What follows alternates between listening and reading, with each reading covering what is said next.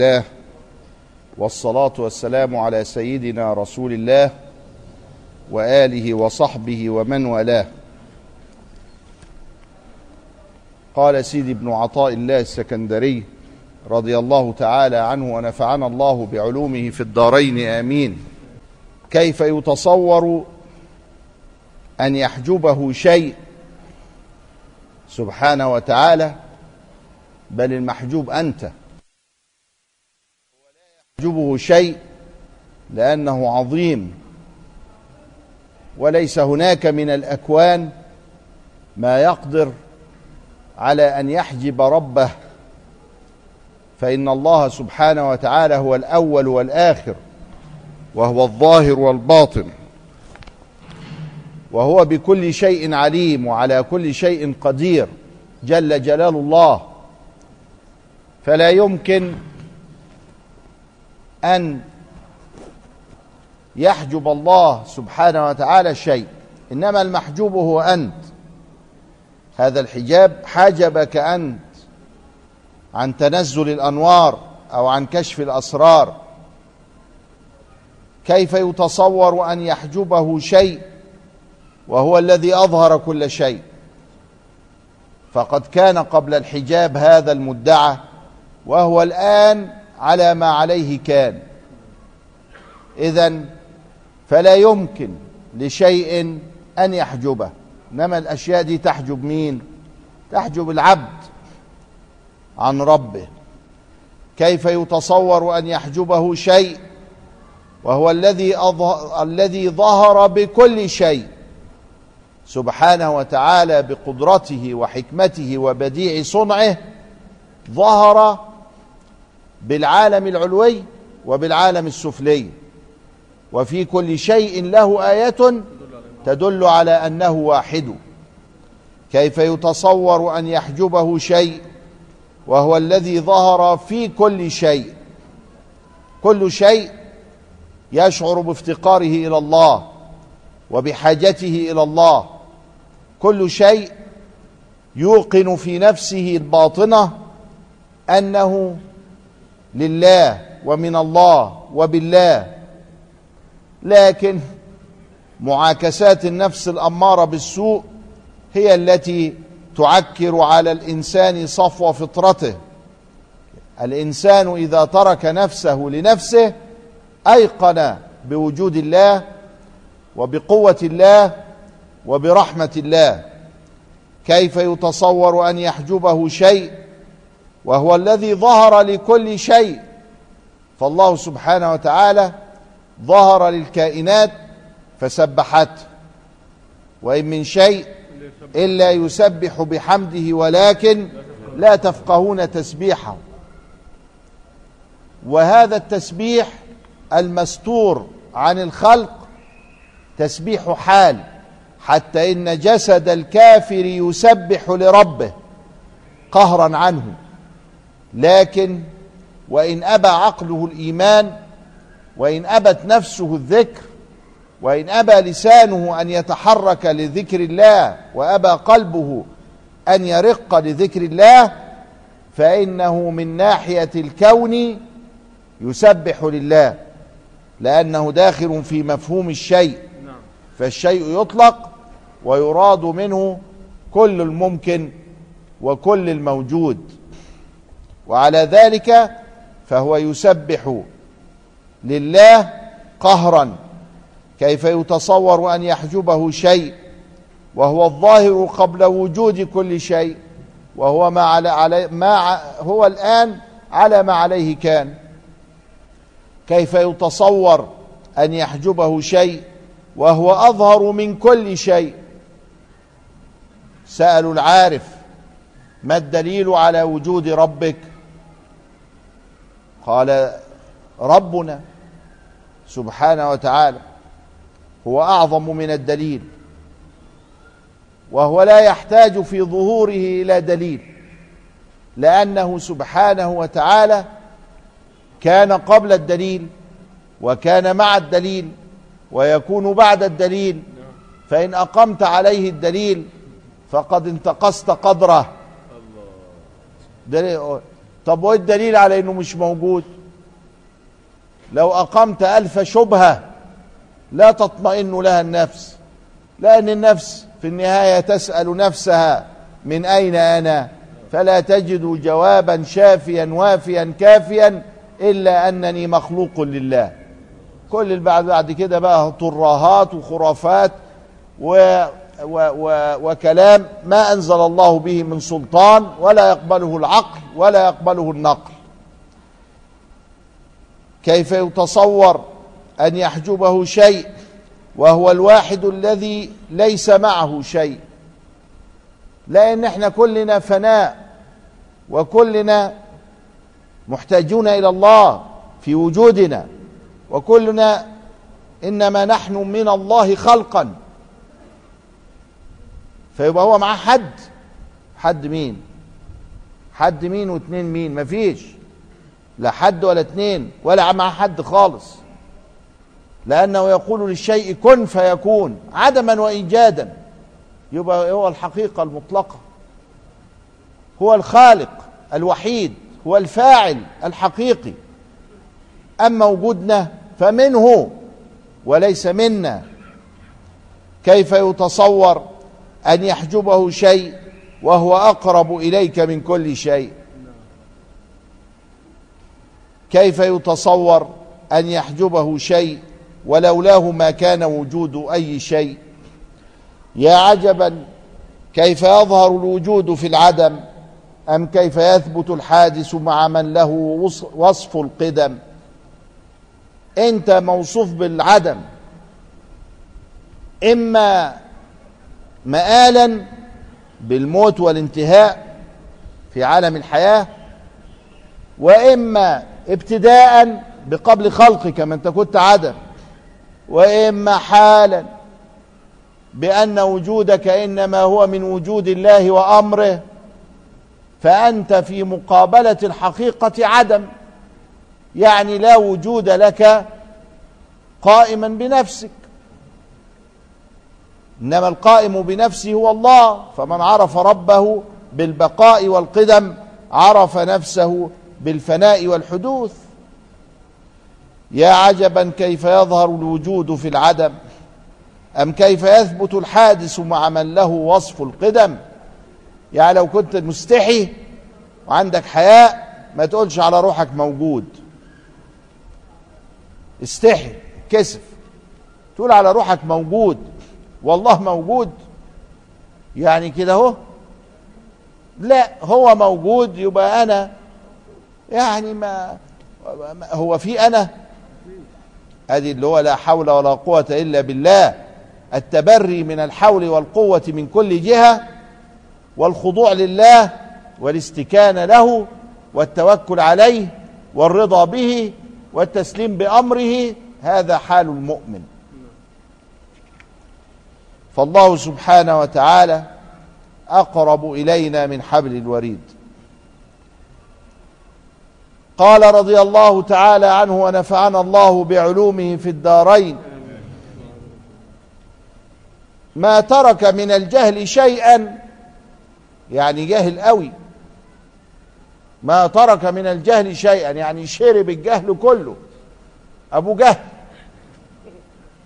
ما ترك من الجهل شيئا من أراد أن يحدث في الوقت غير ما أظهره الله فيه. يعني فاكر ان ليه حول وقوة؟ فاكر إنه يقدر يعمل حاجة؟ فاكر أنه يستطيع أن يعاند ربه ويصارعه والعياذ بالله فيغلب؟ زي الوثنيات اليونانية. يقول لك الإنسان اتخانق مع الآلهة وبعدين غلبها. العقلية اللي هناك في الغرب مبناها كده. إنه إحنا بنصارع الكون ونغلبه. ونصارع الإله برضه ونغلبه. المسلمين لا. المسلمين بتوع حقيقة. والكلام ده ترهات خرافات. ما ترك من الجهل شيئا. شرب الجهل كله. هذا الصنف من الناس. من أراد أن يحدث في الوقت غير ما أظهره الله فيه. الله أظهر إن إحنا نجتمع الآن. لو اجتمع من في الأرض جميعا ليمنعونا الآن ويخلونا نجتمع بكرة ما استطاعوا. أو امبارح لا يقدرون لا هم ولا إحنا.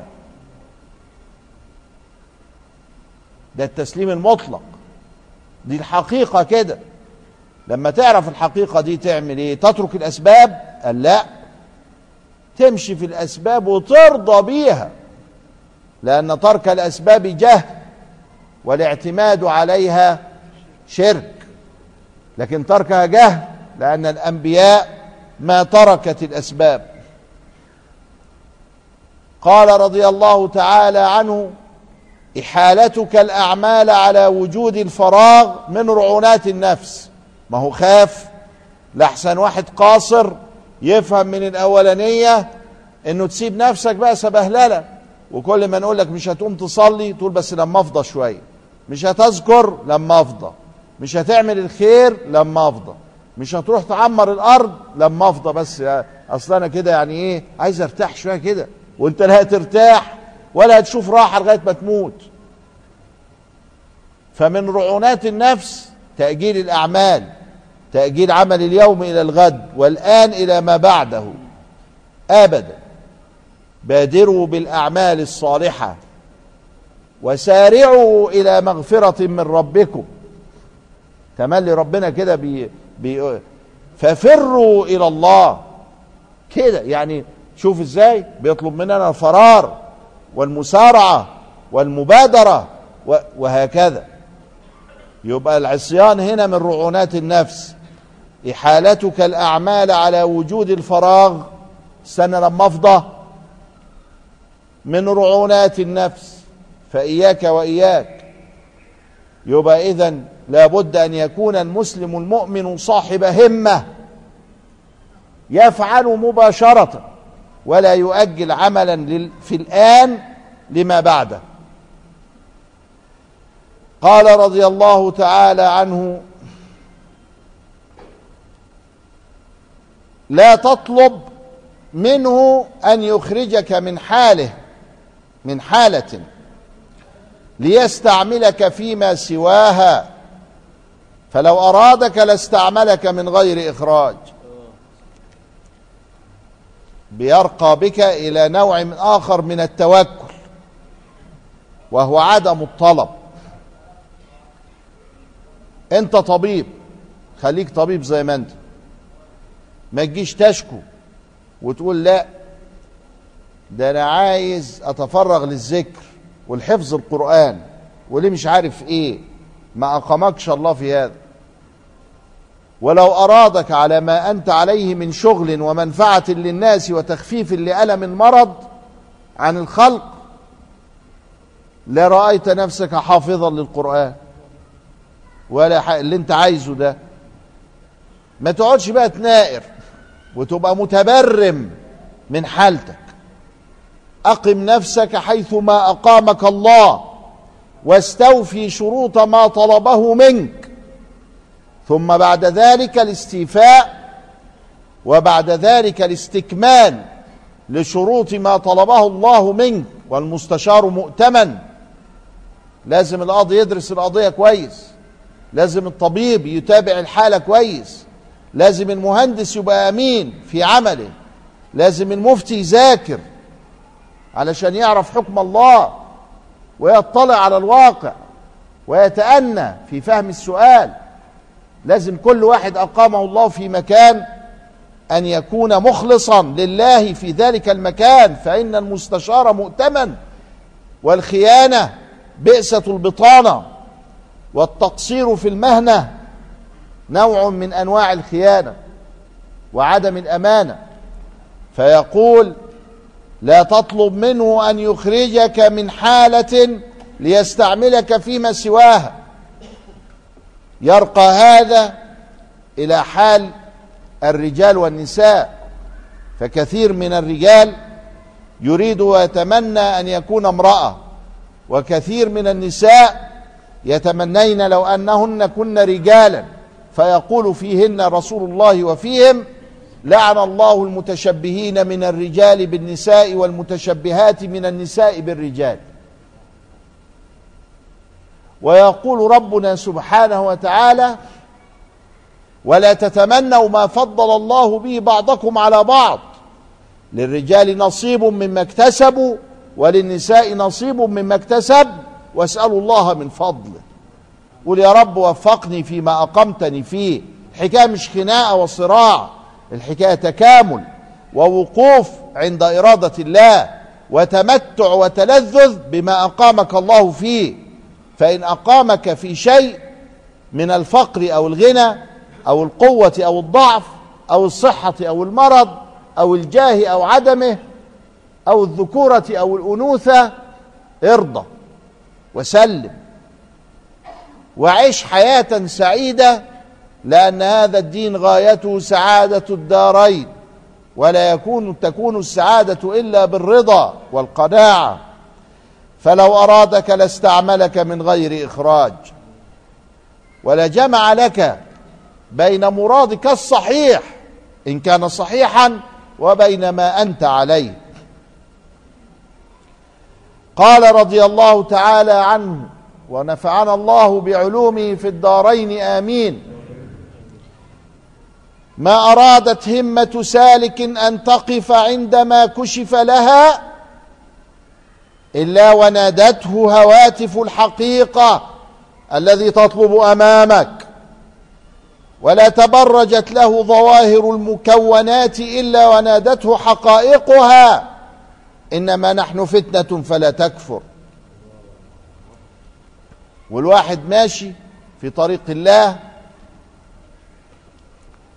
قم ساعات يوصل لمحطة. الواحد مسافر لأسوان من القاهرة. لأسوان في محطات. بني سويف. اول حاجة البرية أسيوط. محطات. وانت ماشي كده.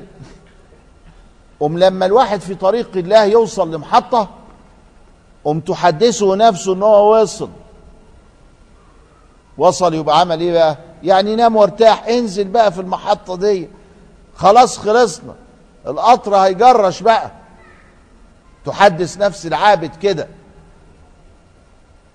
قم لما تحدثه نفسه بهذه الطريقة ويميل قلبه إلى الدعة والراحة وأنه قد وصل إلى شيء ما ومرتبة مع الله تدعوه إلى الراحة وإلى ترك العمل يسمع هواتف الحقيقة. تجي في نفسه واردات على فكرة المحطة بتاعتك لسه ما جاتش. المحطة بتاعتك أمامك. امشي. اوعى تنزل. اوعى تتراخى. اوعى تدع العمل. ولذلك شوف يقول إيه؟ ما أرادت همة سالك. سالك في الطريق إلى الله همته. أن تقف. كفاية كده. عندما كشف لها ظهر لها محطة من محطات الوصول والترقي مع الله في طريقه. إلا ونادته هواتف الحقيقة تنقذه وتبين له لإخلاصه ونيته الصادقة. الذي تطلب أمامك. استمر لسه ما وصلتش. دي من ناحية الوصول إلى الأنوار. لما شاف نور قال الله ده نور الله. واتضح إنه نور حاجة كده خفيفة مش نور الله. قال له أنت عايز نور الله أمامك. طب إمتى الإنسان يكون وصل؟ لما يموت. لما تغادر الروح الجسد. واعبد ربك حتى يأتيك اليقين. يعني الموت. مش اليقين انه جازم صلى الله عليه وسلم. وأولياء الله جازمون. حتى قالوا لو كشف الحجاب ما ازددنا يقينا. من ناحية اليقين الجزم يعني. أما اليقين هنا فهو الموت. يعني افضل ماشي فإنك لا تنسكب عليك الأنوار ويحدث لك حل من التكليف إلا بالتشريف. والتشريف اللي هو إيه؟ الموت. إن روحك تخرج إلى باريها إلى الرفيق الأعلى. شوف كلام سيدنا رسول الله. إلى الرفيق ده تشريف. تشريف رقي. فمتى يتم التشريف؟ فيسقط التكليف بالموت. أما إنك عايش لا. ولا تبرجت. هو بيتكلم على الأنوار بيتكلم على الأسرار بقى. تبرجت كشفت عن وجهها. كشف يبقى كشف عن إيه؟ عن المستور. والكشف عن المستور كشف عن إيه؟ كشف عن الأسرار. ولا تبرجت له ظواهر المكونات. المكونات اللي حوالينا دي. كشفت أسرارها. إيه السر بتاع العمود ده؟ إيه السر بتاع الكرسي ده؟ إيه السر بتاع الإنسان اللي قدامي ده؟ إنه فاني وإنه حادث وإنه محتاج إلى الله وإنه لا حول ولا قوة به وأنه مخلوق وأنه هذا الخلق بمدد مستمر. اللي هي الكلام اللي إحنا قاعدين نشرحه ده ده سر. مش كتير ما, ما يعرفوهوش يقول لك ليه ما أنا موجود أهو. شايف نفسه مع ربنا. فالأسرار دي تبرجت له فماذا تحدث في قلب العارف السالك؟ نادته حقائقها اللي هي اللي إنها فانية غير باقية حادثة. إنما نحن فتنة فلا تكفر.